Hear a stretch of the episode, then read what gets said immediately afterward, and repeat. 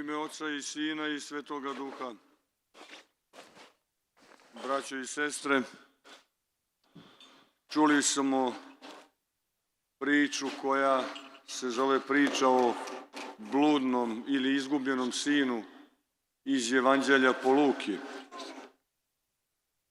Ova priča ne samo da spada u sami vrh svetske književnosti po svojoj formi i po svome sadržaju,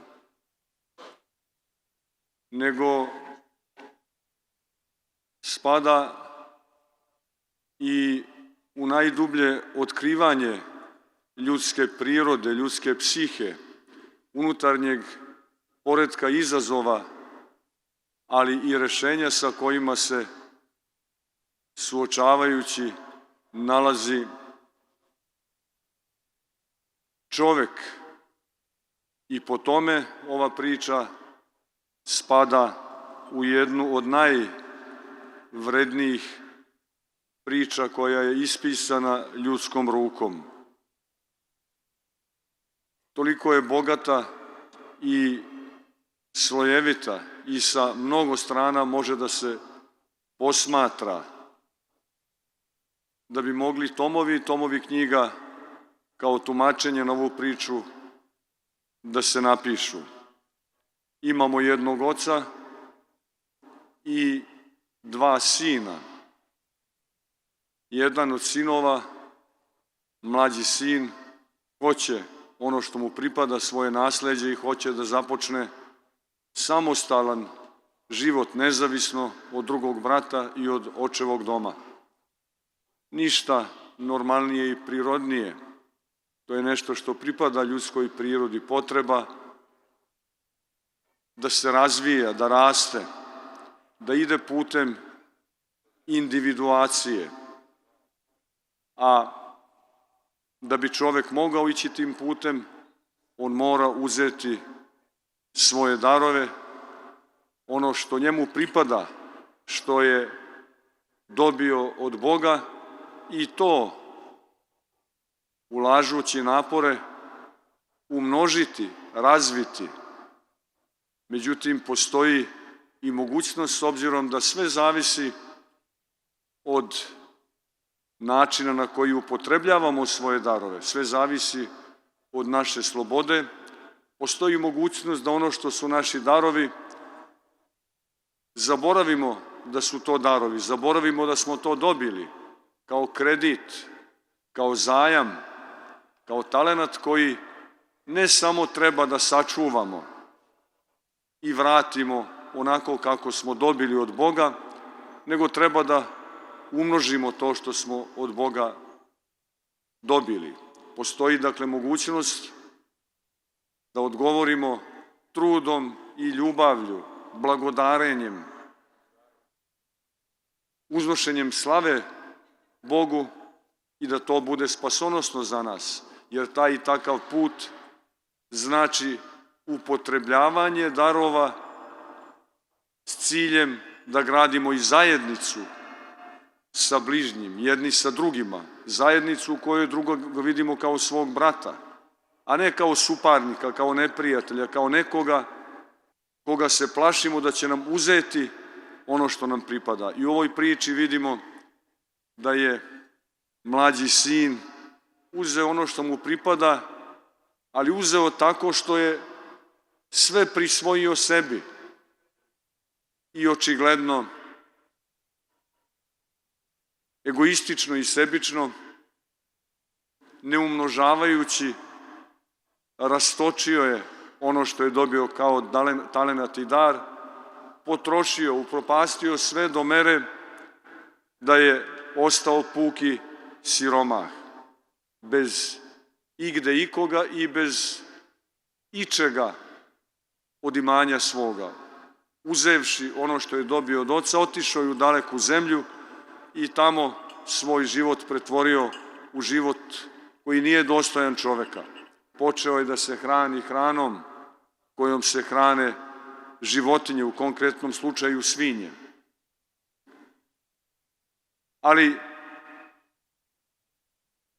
verovatno je potrebno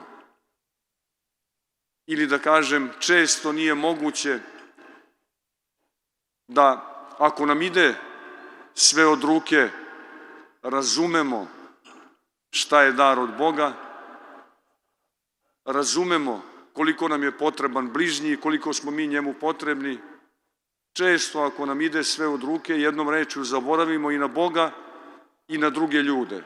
Zaboravimo i na svoje unutarnje, duhovne potrebe, jer mislimo da smo svemoćni, sve zavisi od nas, sve postoji da bismo mi ispunili i zadovoljili svoje nagone i potrebe koje smo proglasili da su naše jedine.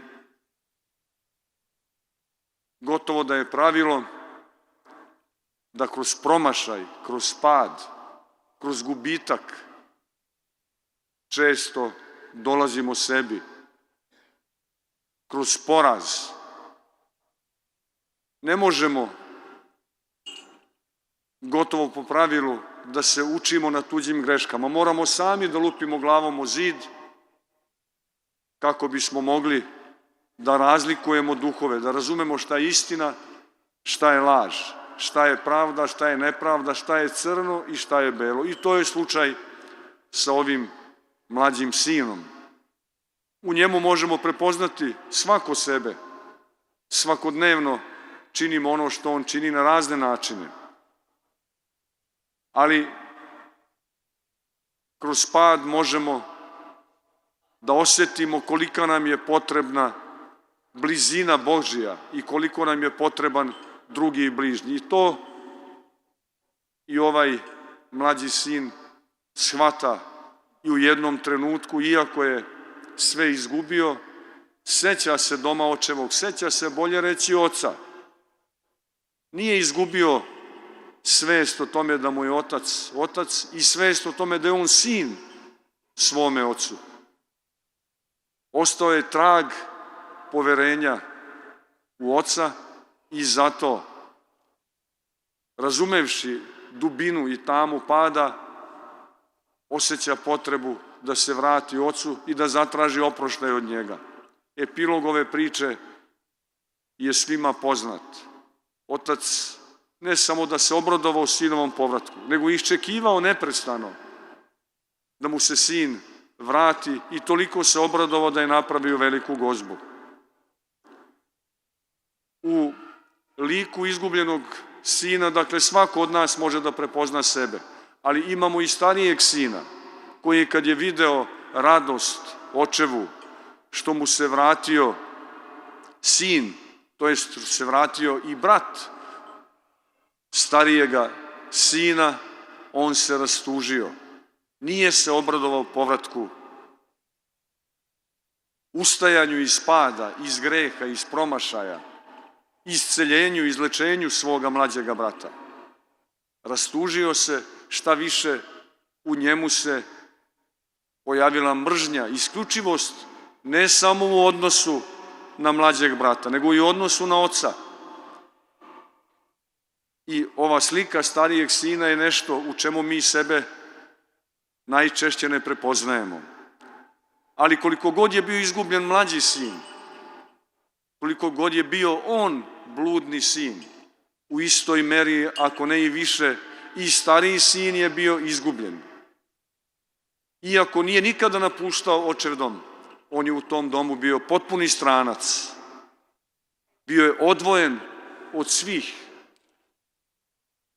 uživeo se ulogu ispravnog, ulogu pravičnog, ulogu onoga koji